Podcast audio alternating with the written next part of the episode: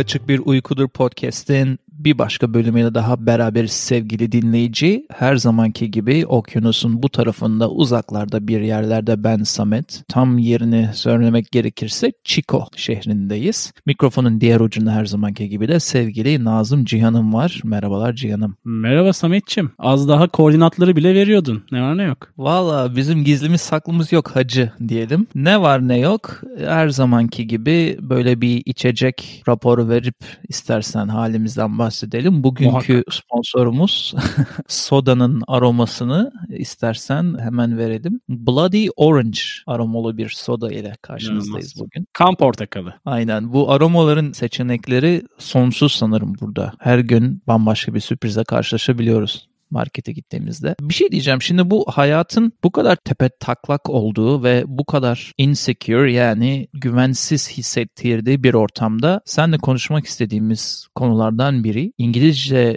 deyim yerinde ise Doomsday Bunkers. Ayrıca bu Doomsday Bunkers'a inanan Doomsday Preppers yani Türkçeleştirirsek dünyanın sonu geldiğinde saklanacak yerler hakkında biraz konuşalım diyoruz ve bu dünyanın sonuna hazırlıkçı bir zihniyet ile yaklaşan tipleri konuşalım diyoruz. Değil mi? Evet doğal felaketlere hazırlıkları hep biliriz. Hani her ülkenin belli prosedürleri vardır. İşte insanların yerine göre, coğrafi konumuna göre ne bileyim sele hazırlık yaparsın. İşte depreme hazırlık yaparsın. Doğa üstü ne bileyim tsunami'ye yapabilirsin vesaire. Ama insanlar bunu daha ütopik bir hale getirip acaba bir kıyamet olsa ve biz başımızı nereye soksak diye düşünmüşler ve garip garip projelerle bizim ve şu anda da dinleyenin karşısına çıkıyorlar. Şimdi insanlar nezdinde bu var aslında. Hatta burada da Amerika'da da çok bilinirdi ve dalga geçilirdi Doomsday Preppers dediğim insanlar. Çünkü böyle evinde sürekli mesela konserve konserve yemekleri bir dolaba doldururlardı 100 tane falan. Niye diye sorduğunda da işte dünyanın sonu gelirse yemeğim olsun evimde marketlerde bir şey kalmayacak falan filan derlerdi. Şimdi o insanlar birden ciddi alınmaya başlandı insan bazında ama bir de bu olayı devletler ve organizasyon bazında da çok ciddiye alıp inanılmaz ileriye giden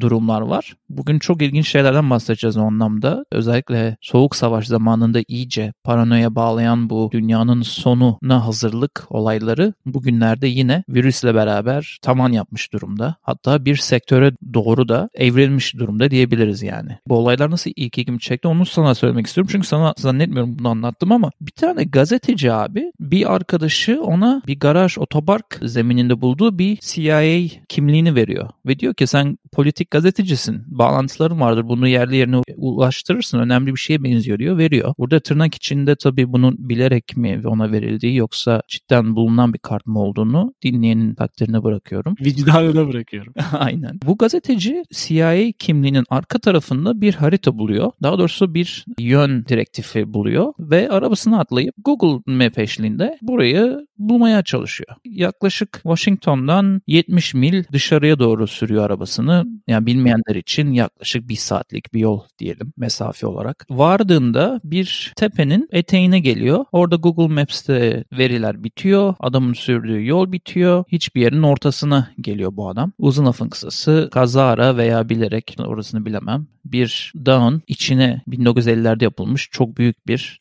Doomsday Bunker. Hatta Pentagon'un B planı dedikleri dünyanın sonu gelirse devletler ayakta kalsın diye yapılmış olan ya daha doğrusu Birleşik Devletler'in ayakta kalması için yapılmış olan bir bunker'a rastlıyor. O zamana kadar tamamen gizli olan bu bunker'da o günden sonra yeryüzüne çıkıyor. Daha sonrasında işte bu bunker'ın içinde kafeteryalar, cimler, tüneller, neredeyse bir şehrin olduğu ortaya çıkıyor. Ve bu bunu ben okuduğumda ve duyduğumda sana geldim ve dedim ki bu sadece bir tane değil ve sadece bir ülkede değil bütün dünyada çok geniş bir şekilde yayılan ve her yere yapılan ve gizli tutulmaya çalışıldığı için de az bilinen bir durum. Hadi bundan konuşalım dedim. Değişik bir konu başlığı bakınca. Çünkü biz hep bizim ülkemizde sığınak durumunu biliriz. Hatta apartmanlarda eski yönetmeliklerde bir tane sığınak yapılması koşulu da vardır. Hmm. Şu an hmm. pek kalmasa da. Ama seninle şu an konuştuğumuz sığınak tamamen bambaşka ve biraz sonra vereceğimiz örneklerle de olayın boyutu farklı bir tarafa evrilmiş. Tamamen ticari bir boyutu da var ki Türkiye'de çok iş hacmi olan bir tarafı yok tabii ki sığınak yapmak için. Yani. İstersen en absürt örneği verelim dinleyene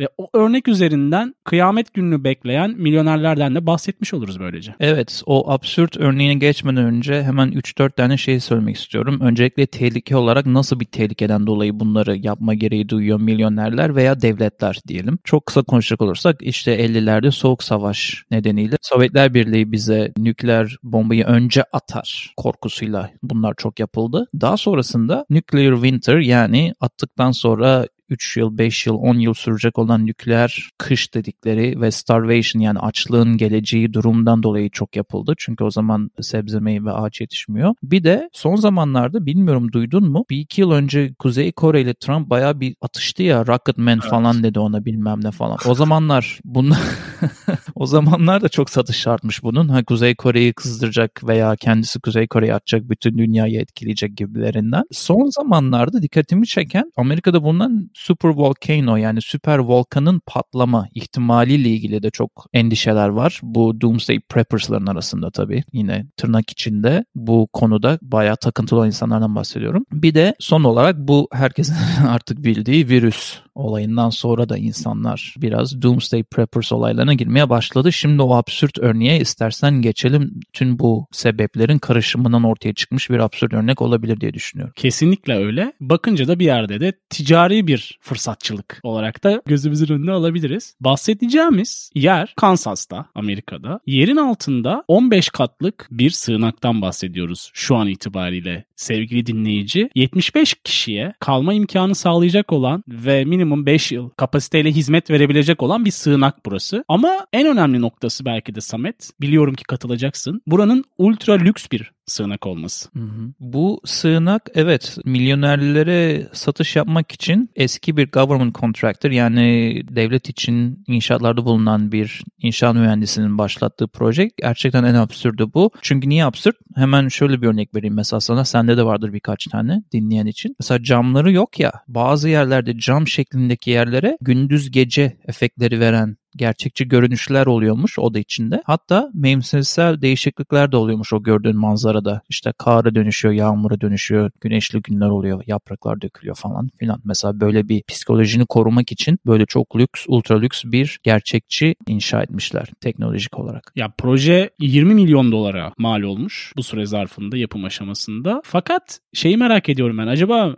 milyonerlere ya da milyarderlere ne kadara satıldı ki bildiğin gibi daha proje tamamlanmadan zaten bütün kapasiteyi doldurmuştu satışta. Ya bu adamla bir röportaj var. Adamın söylediğine göre ben de onun yalancısıyım. 500 bin dolarlık en düşük herhalde 4 duvar veriyordur o paraya diye tahmin ediyorum. 500 bin dolarlık en düşük modelden 10 milyonlara varan yüksek lüks modellere kadar çıkabilirsiniz diye anlatıyordu kendi PR'ını yaptığı bir röportajda. Bu kompleksin içinde havuzlar var. Evet. Ee, ısıtılmış, güzel, büyük böyle sanki dünyanın herhangi bir yerinde bir havuz parkına gitmiş gibi. Kendi içinde kendi kendine yetip büyüyen günlük yemek, taze yemek sağlayabilecek sebzeler, meyveler var. Onları anlatıyordu. Teknolojisini geliştirmiş orada içeride. Suni böyle güneş ışınları falan filan. Benim çok ilginç bulduğum bir şey daha var Cihan. Tuvalet kağıdı hiç yokmuş. Sıfır. Röportajı yapan da soruyor hani neden diye bu kadar lüks. E, yaptıkları hesaplara göre bütün o 15 kat için tuvalet kağıtları tedarik ettiklerinde bir tuvalet kağıdı deposu da kurmak zorunda oldukları için o da çok masraflı olacağı için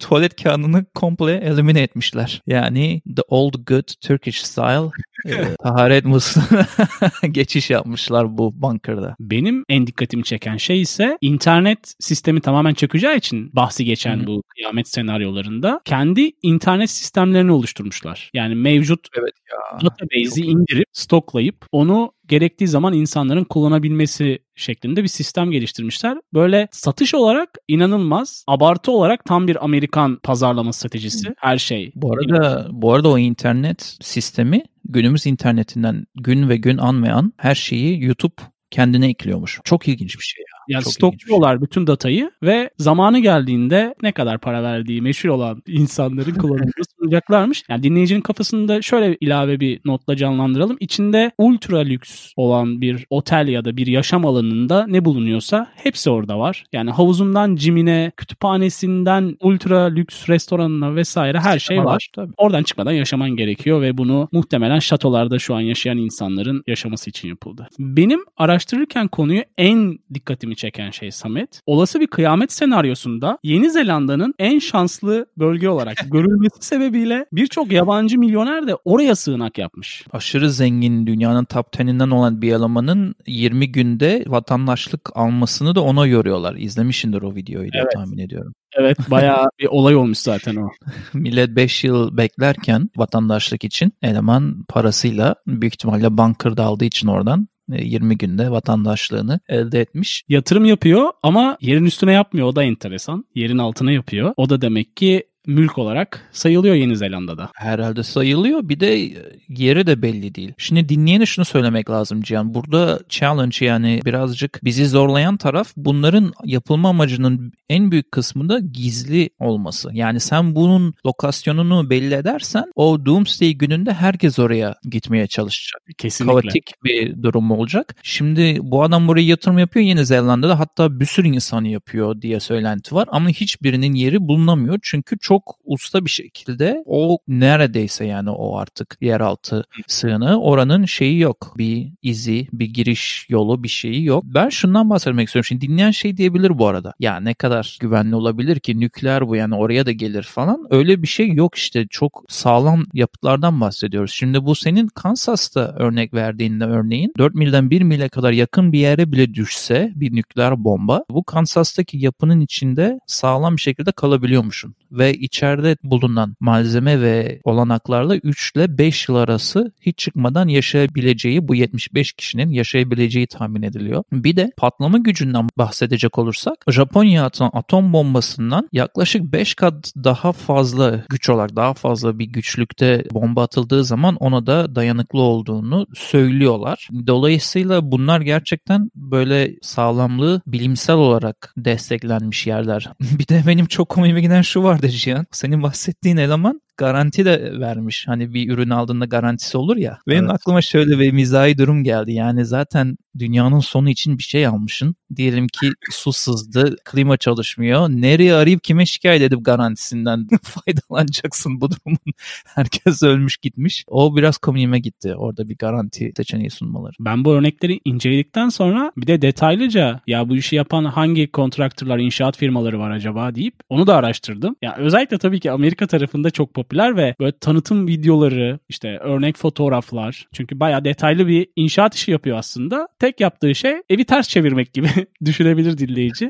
Senin alanına giriyor yine hafiften. Ya açıkçası çok güzel bir iş kolu. Böyle bir düşünmedim değil yani. Çünkü Türkiye'de olan bir şey değil. Acaba her yere kıyamet sığınaklarıyla doldurma imkanımız olur mu diye bir kafa yordum. Ya Türkiye'de de biliyorsun çok şey olmasa da bazı kalburüstü, zengin veya gelir uçurumu yüksek olan insanlar var. Onlara da bunlar sunulabilir yurt dışından almaktansa belki de dünyanın sonunu kendi memleketinde yaşamak isteyen insanlar olabilir bence. Bir düşün. Şöyle bir senaryo var. Kıyamet oluyor. Bu insanlar sığınaklara giriyor. Ama şu an bahsettiğimiz şey sadece zenginlerin kafa yorduğu ya da yaptırabildiği ve dünya nüfusunun sadece %1'inin kurtulma planı inanılmaz yaratıcı. Ya şimdi zenginler bir de devlet adamları. Çünkü devletlerin en birincil kaygısı böyle durumlarda ben devleti nasıl devam ettirebilirim? Bu az önce en başta bahsettiğimiz Raven Rock dedikleri gazetecinin gün yüzüne çıkardığı yer mesela Pentagon'un backup'ı olan yer tamamen devletin en üst kademelerinin ve işte başkanın bilmem neyin generallerin falan gitmesi için yapılmış bir yer. Senin söylediğin o kadar doğru ki sana şöyle çarpıcı o zaman ayrıntıya girip bir örnek vereceğim. Bu olay ortaya çıktığında Supreme Court biliyorsun en yüksek mahkemesi Amerika'nın. Oradan bir tane judge şey diyor. Gelip görmek istiyorum neler oluyor, bakmak istiyor, araştırmak istiyor. Ona bir giriş hakkı veriyorlar ve hatta şey diyorlar hani sana da bir kısım ayarlarız buradan falan.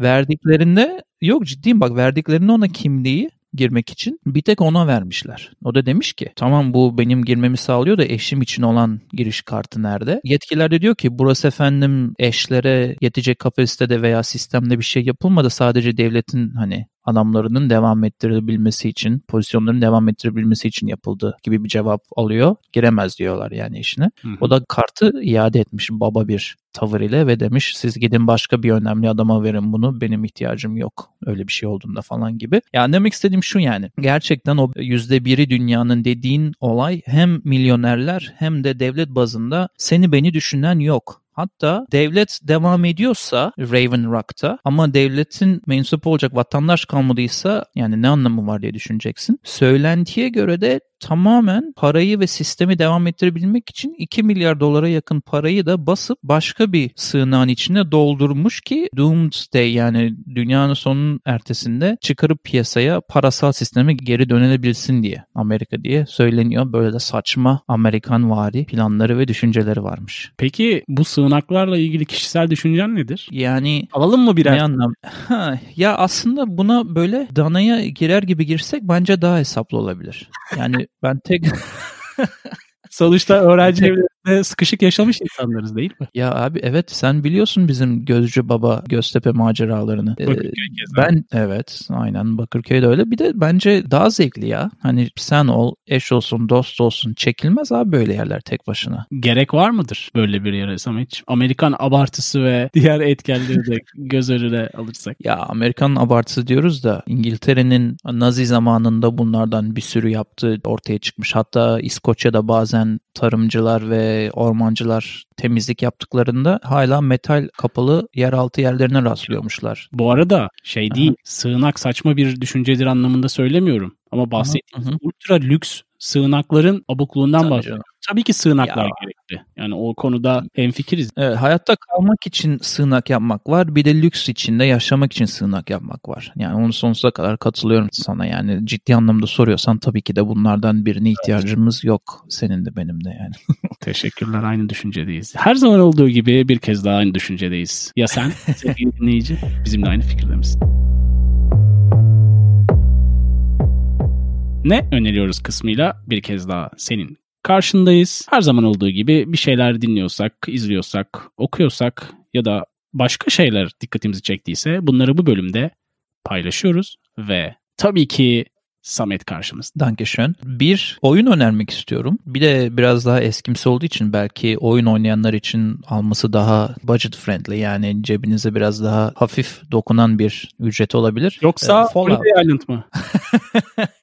Fallout diyecektim. Bu dünyanın sonuna dair yapılmış ve yapılacak en güzel serilerden biri olduğunu düşünüyorum. Çok zaman geçirmiştim özellikle Türkiye'de yaşarken bu Fallout oyunlarıyla. Hala da oynarım. Çok hoşuma gidiyor. Survival tam olarak dünyanın sonundan sonra bir sığınaktan hatta Vault dedikleri sığınaklardan yeryüzüne çıkıp hayatta kalmaya çalışan karakteri oynuyorsun. Yani çok iyi bir oyun. Onu tavsiye ediyorum. Sonra bir de şey izleyeceğim. İzlemediysen sana da özellikle tavsiye ediyorum Cihan. Dünyanın sonunu, daha doğrusu dünyanın sonunun geldiğine inandırılan bir kız bir iki elemanla beraber bir sığınakta takılıyor film boyunca. Sonunda da güzel bir sürprizi var filmin. Bu filmin adı da Ten Cloverfield Lane izlemediysen sen dinleyici ve Cihan mutlaka bakın bu filme. Yine dünyanın sonuyla alakalı konsept bir öneri oldu. Bir de dünyanın sonundan alakasız HKBU dinlencesi listemize kendi oluşturduğumuz playliste bir şarkı eklemek istiyorum. Grubun adı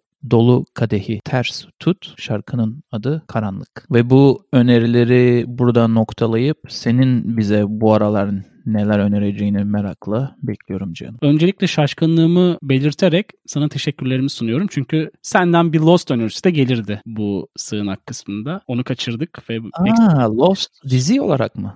Evet. Şimdi ben de bir dizi önereyim. Hatta ben bu diziyi yıllar önce işte Breaking Bad'i tam izlemeden izledim ve kafamda anlamlandıramamıştım. Better Soul dizisi. Şu an anlamlandırabiliyorum. Çünkü Breaking Çünkü Bad... bağlantılar.